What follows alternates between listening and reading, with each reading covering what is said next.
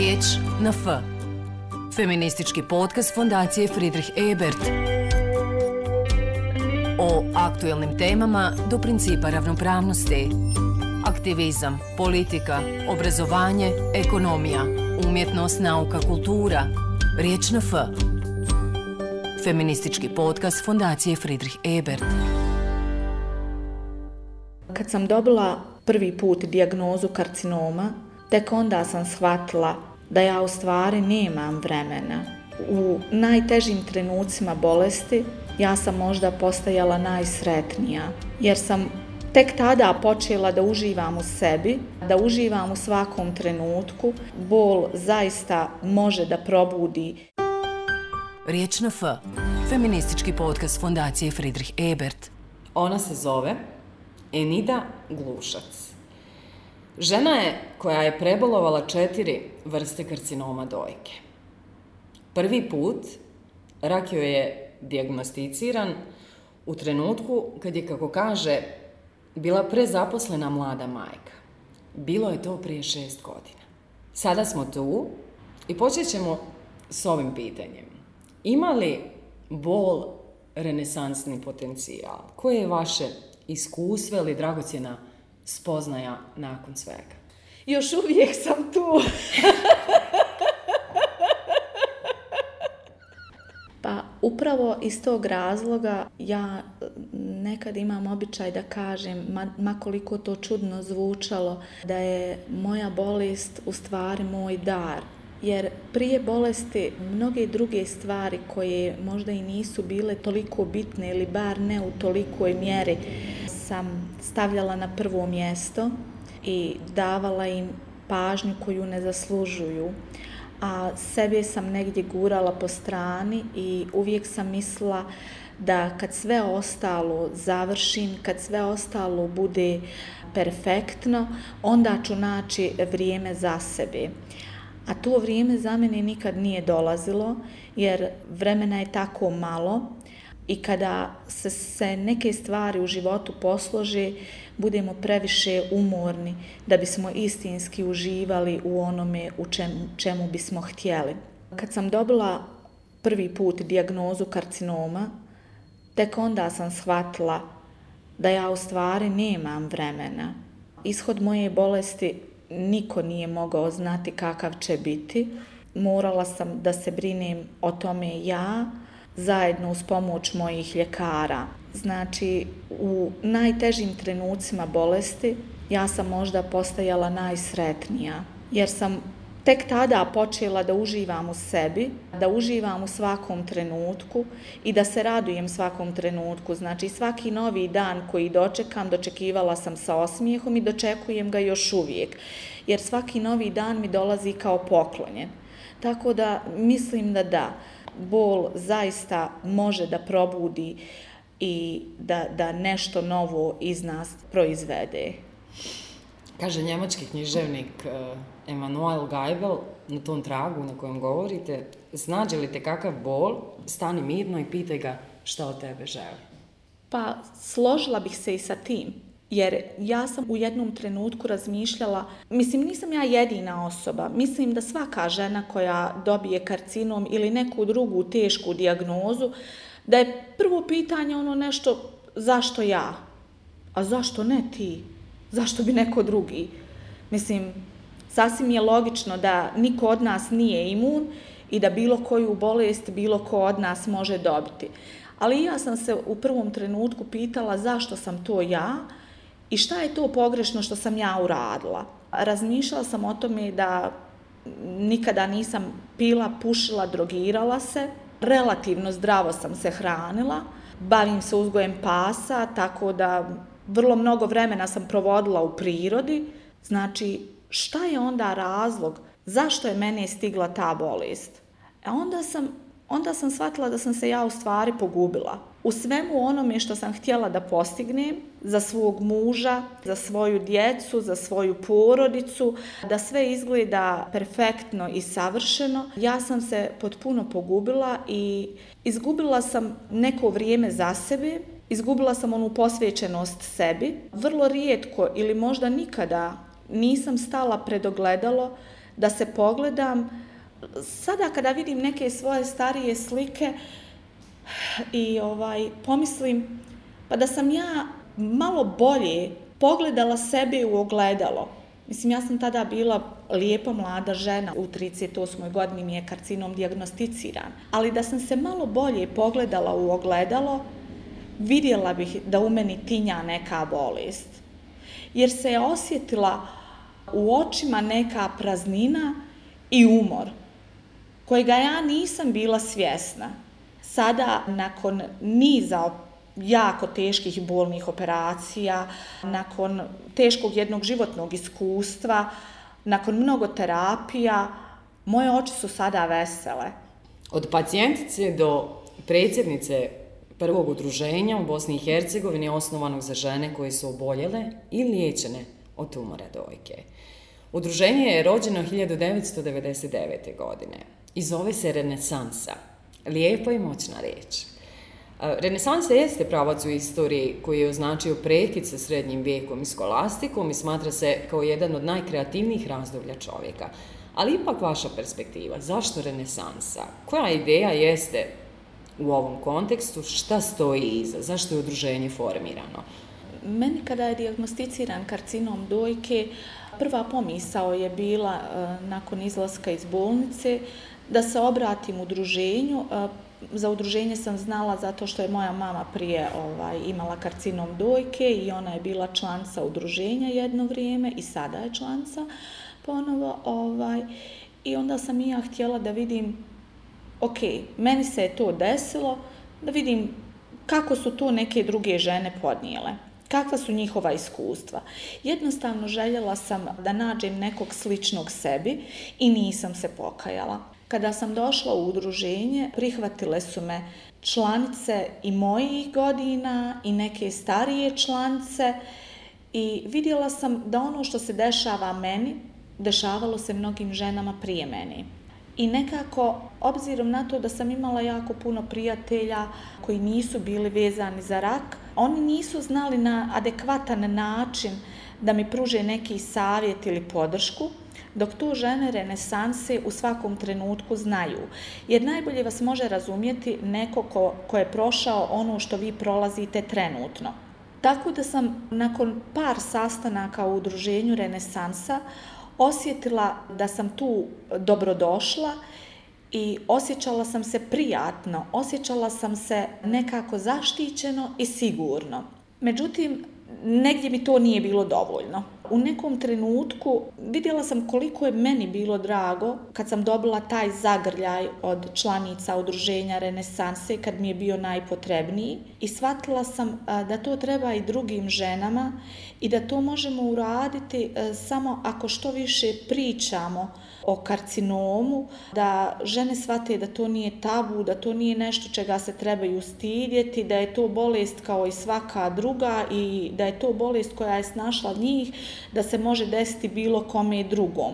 Tako da sam ja počela malo aktivnije, ovaj, nikad mi nije bila namjera postati predsjednicom udruženja, ali sve je nekako vodilo jedno drugo vuče, ja sam počela malo aktivnije da se bavim sa tim i sad nekako razmišljam o tome da je to možda moja misija, da pomognem ženama i da pomažem ženama oboljelim od karcinoma, da to što bolje i ovaj sve ostale člance renesanse se zaista trude, da pomognu svim ženama da što bolje savladaju taj prvobitni strah i da se što lakše adaptiraju u društvo nakon bolesti.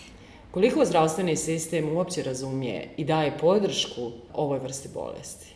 E pa sada, što se tiče zdravstvenog sistema, on je jako uređen u smislu da mi imamo redovne terapije, imamo citostatike uvijek na stanju, s te strane nemamo problem.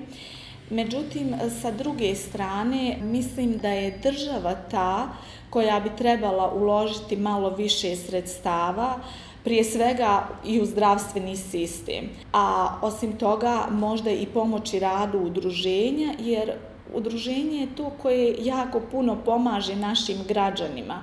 Ako mi, recimo, nagramo Šta je to što žene, vi kroz udruženje radite, a nema unutar zdravstvenog sistema?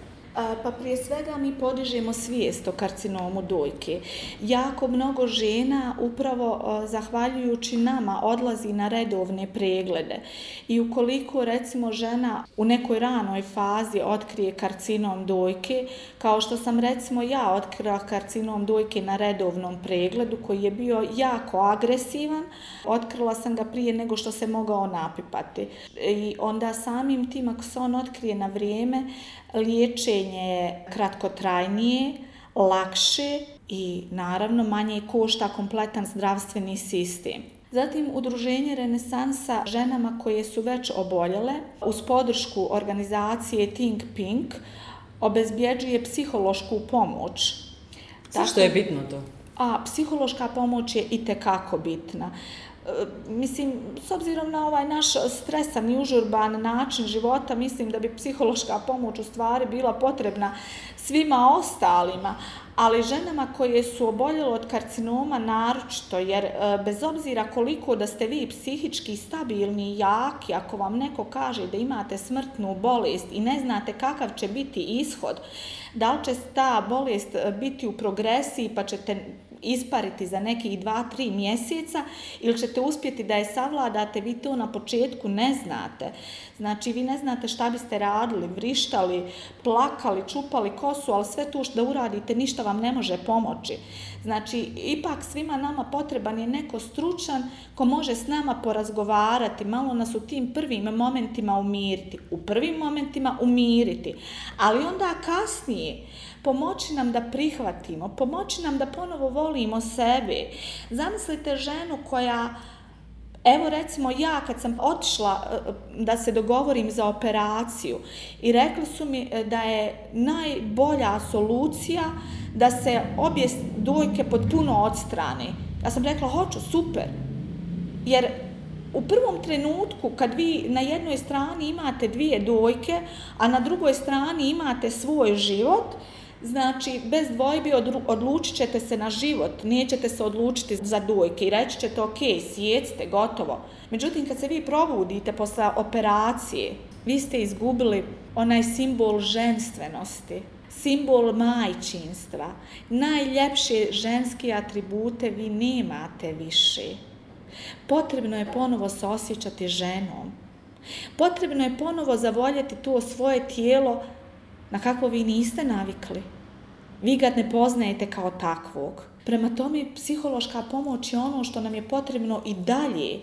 I sve te ožiljke koje imamo i na tijelu i na duši, potreban je neko stručan ko može da nam pomogne da to mi prevladamo. Tu je recimo ovaj, da li zdravstveni sistem ili država, ali uglavnom tu je neko zakazao. Ja čak mislim da bi psiholog bio prva osoba na koju bismo se trebali osloniti u trenutku kad nam se kaže dijagnoza, jer e, meni je nalaz patohistološki dat na hodniku i nikome posle toga više nije pogledao. Samo su mi dali nalaz u ruku. Ja da sam bila malo više psihički labilna, mogla sam u tom trenutku izletiti kroz prozor kad sam vidjela da imam rak. Znači, mislim u tom trenutku da je trebao biti psiholog koji će mi uzeti za ruku i reći u redu, udahni duboko, smiri se, razmislit ćemo, vidjet ćemo šta dalje. Šta je sa ženama koje nemaju zdravstvene osiguranje? Pa u tu problematiku ne bih previše da ulazim jer zaista ne znam, ali evo ovo što smo sudionici, svi vidimo koliko se para skuplja preko, preko raznih humanitarnih organizacija za određena liječenja. Mislim, ne znam da li postoji neko drugo rešenje osim toga. Karcinom dojke predstavlja najčešću malignu bolest kod žena. Statistike kažu da svaka deseta žena oboljeva od raka dojke. Danas je ipak slabiji procenat smrtnosti zbog napora usmjerenih na edukaciju i ranu detekciju, kada postoji i najsnažnija mogućnost iscijeljenja. Najveći broj žena sa diagnosticiranom rakom dojke ima preko 50 godina. Ali i mlađe žene mogu oboljevati od ovog raka. U prvom našem telefonskom razgovoru vrlo brzo smo došli zajedno do rečenice da sve je veći broj mlađih žena koje oboljevaju. Kakvi su podaci u Bosni i Hercegovini? A, nažalost, mi u Bosni i Hercegovini nemamo ovaj registar oboljelih. Tako da, ovaj, što se tiče tačnih podataka, tu priča počinje i završava se. Ono što vam ja mogu reći, s obzirom na to kako se nama u udruženji javljaju žene, nakon pandemije koronavirusa mi imamo sve više članica, da li to znači da je sve više oboljelih žena ili da su žene postale više samosvjesne pa traže pomoć, zaista to ne znam. I ono što je jako žalosno jeste da dolazi nam u udruženje već djevojka od 20. godina pa nadalje. Što mislite zbog čega je to tako, s obzirom da imate značajno iskustvo? Ja bih rekla da je rak bolest koja, ne mogu reći da je stres uzrok bolesti bilo koje, ali definitivno mogu reći da je sigurno neki okidač za mnoge bolesti, pa tako i karcinom dojke koji se u nekim zemljama naziva bolest tuge i nostalgije. Znači sve one emocije koje su sputavane u nama, Mislim, mi, mi smo uh, rasli u jednom, svi smo rasli u jednom okruženju gdje nam je jedna od najpoznatijih izreka bila uvijek šutnja je zlato. Znači, mi smo, mi smo po tom obrazcu. obrazcu rasli i odgajani da bez obzira šta da te snađe, ma pretrpi, prešuti, ali sve ono što ti prešutiš ili pretrpiš, što ne izađe iz tvog tijela, a trebalo je, ono će izaći ili na ovaj ili na onaj način. Moje mišljenje je da ili će izaći u smislu da ćemo mi u nekom trenutku psihički da puknemo, jer ne možemo to više da, da, da gutamo u sebe i trpimo, jer ono se negdje taloži ili će se, evo recimo kao što je kod nas slučaj, nagomilati na jednom mjestu i pojaviti se, buknuti kao karcinom dojke. Ovo čitam kada je u pitanju udruženja renesanse. Zalažemo se za sistemska rješenja, edukaciju kroz primarno pružanje psihološke podrške ženama, ali i pomoć u prevazilaženju straha od budućih pregleda i liječenja. Voljela bih da se zadržimo na ovom posljednjim. Pomoć u prevazilaženju straha od budućih pregleda i liječenja. Strah je vrlo često emocija koja nas koči u dosta stvari. Jako mnogo, čak i previše. Mnogo žena koje nemaju diagnosticiran karcinom upravo iz tog razloga i ne idu na preglede jer se osjećaju dobro i kažu ma zašto da idem, ko zna šta će mi naći. To je izreka koja kruži u našem narodu. Ali bez obzira šta će vam naći, šta će vam otkriti, bolje da to otkriju ako već moraju da se to otkrije na vrijeme. Tako da vrlo je bitan segment e, riješiti se tog straha.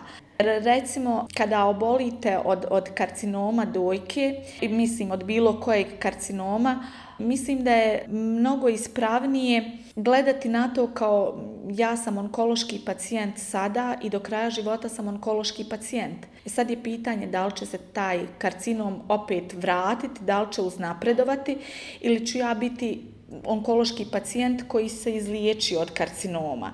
Ali uvijek treba da negdje imamo u glavi da je to jedna jako teška jako podmukla bolest koja može da tinja u našem tijelu i bilo kada se može vratiti. Zato kao što je bio recimo kod mene slučaj, zato mislim da je, da je mnogo bolje da imamo to na umu i da idemo na, na redovne preglede svaka od naših žena i ja i svaka ostala članca kad dođe onih par dana pred pregled, pred ultrazvuk ili pred pregled kod onkologa, mi se stvarno nervozimo i to je negdje nekakva normalna ljudska osobina. Ali se trudimo da nas taj strah ne zakoči, da nas on ne sputava i da ga nekako prihvatimo, prevaziđemo i uprkos strahu ipak da idemo dalje na redovne preglede i na kontrole. A osim toga, mi se trudimo u udruženju da kroz razna predavanja stručnjaka žene što više upoznamo sa karcinomom dojke, jer ako želimo da se uhvatimo sa nečim u koštac, ako želimo da, da krenemo u borbu protiv nečeg, protiv nekog opasnog neprijatelja, moramo da znamo sve podatke o tom neprijatelju, da znamo kako da ga savladamo, kako na najbolji način. Upravo sam na vašoj Facebook stranici pročitala i privukao me jedan post u kojem pozivate članice da prisustuju radionici pod nazivom emocionalna detoksikacija, terapija kroz umjetnost i meditacije. Rak nije samo fizička bol. Organizujete različite vrste edukacije i predavanja za žene. Emocionalna detoksikacija je samo jedna u nizu radionica koje smo radili u udruženju Renesansa. Smatramo da e, iz, iz ove bolesti, iz priče o bolesti, mi u stvari u udruženju ne pričamo mnogo o bolesti. To je čudno, jer znam da mnogi ljudi misle e, da je renesansa mjesto oboljelih, gdje se skupljaju oboljele žene i pričaju o bolesti. Ne. Renesansa je mjesto gdje se skupljaju nebolesne žene. Mi ovdje bolest pomenemo, kad je nekom potrebna neka pomoć ili savjet, ali u biti u renesansi se priča o životu. I renesansa slavi život. I mi se trudimo kako da najbolje živimo, da najviše iskoristimo iz svakog dana i iz svog života. Zbog toga organiziramo razne radionice. Sve radionice su jednom ili dva puta mjesečno kao što su književne večeri, ples, yoga, meditacija, zvučna kupka i tako dalje. Predavanja tako dalje. također i onkologa? Imamo predavanja ne samo onkologa, e, nego ljekara iz e, svih grana medicine koje direktno ili indirektno imaju povezanost sa karcinomom dojke. Znači, bilo da je to baš onkolog, koji je direktno vezan ili recimo da imamo predavanje dermatologa koji će nam reći e, kakve nus pojave može recimo zračenje da izazove ili određeni citostatici koje uzimamo. Tako da imamo razna predavanja. Imamo recimo odlaske na izlete i odlaske u pozorište. Tako da imamo mnogo, mnogo aktivnosti da svaka žena nađe ono što se njoj najviše sviđa i gdje se ona dobro osjeća, jer je bitno za svaku ženu da nađe neki fokus i da nađe nešto gdje će se jako lijepo osjećati, gdje će smiriti svoje misli, bar na, na par sati ne razmišljati o onome što je muči. A šta je sa muškarcima? Na karcinom dojke definitivno niko nije imun, tako da i muškarci obolijevaju od karcinoma dojke, samo nešto, u nešto manjem broju nego žene. I često se desi, nažalost, upravo zbog toga što ne očekuju da će oboliti od karcinoma dojke da u nekim kasnim stadijima to otkriju. Mi imamo recimo muškarce e, koji se javljaju sporadično u udruženje Renesansa kada im treba neki e, savjet, pomoć ili nešto tako, ali e, kao članove nemamo još ni jednog muškarca, vjerovatno je to naša stigmatizacija u društvu, vjerovatno im je nezgodno, a i na nas stotinu žena, kako će doći jedan muškarac, možda je malo i strah, možda nije samo stigma. Ali ste otvoreni? Svakako smo otvoreni i za savjete, i za druženje, i za pomoć. Znači, bilo koji muškarac koji ima ili sumnja da ima karcinom dojke, svakako nam se može e, javiti i priključiti i doći u naše udruženje. Kažem vam, znači, ima par njih koji e, zovu s vremena na vrijeme kada im je potreban neki savjet. Kaže Oscar Wilde, sreća nas okuplja, ali nas bol sjedinjuje. U udruženju Renesansa e, ja sam upoznala mnogo, mnogo ovaj divnih žena.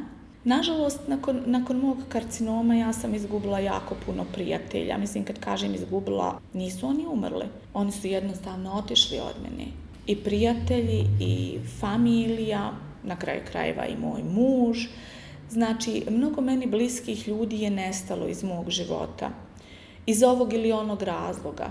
Da li im je to bilo previše, da li bi moja bolest možda narušila njihov komoditet, komfor ili veselje u životu ili šta je već razlog, znači ja uopšte više o tome ne razmišljam. Ja razmišljam da se u mom životu napravilo neko pročišćavanje, da su otišli neki ljudi koji možda nisu ni trebali da budu tu, ali da su ta mjesta popunjena sa nekim novim divnim ljudima. I u udruženju Renesansa e, mi smo, ovo nije kliše, ali već je zaista tako, mi se osjećamo kao jedna velika porodica. Razumijemo jedna drugu, pričamo jedna sa drugom, iznosimo svoje probleme i svoje radosti. Znamo kad se kome je rodilo unuče, kad je kome je dijete krenulo u školu, sve se zajedno radujemo. Isto tako znamo kad je nekome bio loš dan, jer e, osjećamo tu povezanost i prijateljstvo, jer nekako e, familija je nekako neka možda krvna veza između ljudi koji su eto tako Bogom dati i tu su s vama u, nekom, u vašem nekom životu. A porodica, e, porodica može biti i neko koga vi izaberete, e, s kim se slažete, s kim osjećate nevjerovatnu ljubav i bliskost. Tako da smo mi e, nekako u tom svom bolu koji smo osjetile kroz ovu bolest, upoznale jedna drugu i na kraju krajeva ako, ako se zbog ovoga moralo sve desiti i ako je ovo razlog zbog čega sam ja morala prije proći kroz sve patnje karcinoma, da dobijem ovako divne prijatelje kao što sam našla u renesansi, pa vrijedilo je. pa ko razumi, razumi.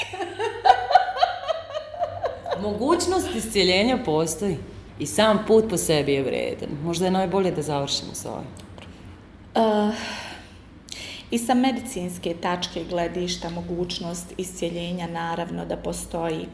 I to je naravno, kao što sam već rekla, što se bolest otkrije ranije, lakše je doći do izlječenja, onda karcinom postoji u raznim oblicima, raznih vrsta, neki karcinomi su agresivni, neki su spori, manje agresivni, tako da iz te strane medicinski uz, uz nove tehnologije, nove lijekove i veliki broj je izlječenih žena, hvala Bogu, čak i ove, ove kao ja koje su imale jedan od najagresivnijih vrsta karcinoma, evo ovaj e, živi primjer da se mogu izliječiti.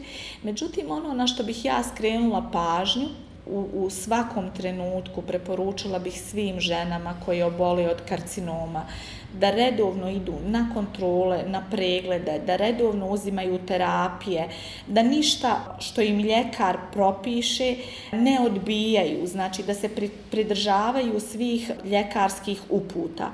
Međutim, s druge strane, da na svom isceljenju rade i same, što je ne mogu reći da je, da je bitnije, ali je izuzetno bitno u samom procesu oporavka i izlječenja. Znači, sam taj naš stav. Prvo trebamo imati pozitivan stav, ne previše optimističan, jer ovo se ipak se radi o jednoj ozbiljnoj i teškoj bolesti, ali možda nekako objektivan. Onda eh, ne trebamo kukati na svojom sudbinom, desilo se pa šta, dešavaju se i bolje i gore stvari. Nama se desilo ovo i ko zna šta će nam se još u životu svima dešavati. Možda je ovo bio neki poziv na buđenje, možda je bila samo neka opomena da do sad u životu negdje nešto smo zaribali, negdje nešto nismo uradili kako treba. A što se meni lično tiče, e, ja sam vidjela da sam sebe zanemarivala. Sada to više ne radim. Ja sada svaki dan kad ustanem, prvo pogledam u ogledalo, kažem sebi koliko sam divna, koliko sam lijepa i koliko sam sretna. Onda pogledam u svoju djecu i kažem sebi koliko me Bog nagradio u ovom životu. I onda se radujem što sam ustala onako u elementu, e, što sam ustala funkcionalna taj dan i radujem se što ću taj dan provesti onako kako ja želim. Jer ja sada svaki svoj dan provodim samo onako kako ja želim, kako se meni dopada, radim stvari koje se isključivo meni sviđaju i provodim vrijeme sa osobama koje meni odgovaraju svojom pričom, svojim temperamentom i svojom energijom. Znači, sve toksične ljude sam izbacila iz života. Uh, izbacila se, neki su otišli sami, neki sam izbacila ja. Izbacila sam iz upotrebe riječ moram. Znači, u mojoj kući se uopšte ne upotrebljava ta riječ. Znači, zamijenili smo je sa riječu treba ili mogao bih. Sve mogu, ništa ali, ne mora. Ali riječ moram smo skroz izbacili jer negdje vjerujem i, i u moć riječi da kada mi nešto uporno ponavljamo da to utiče na našu psihu, a onda utiče i na naše tijelo.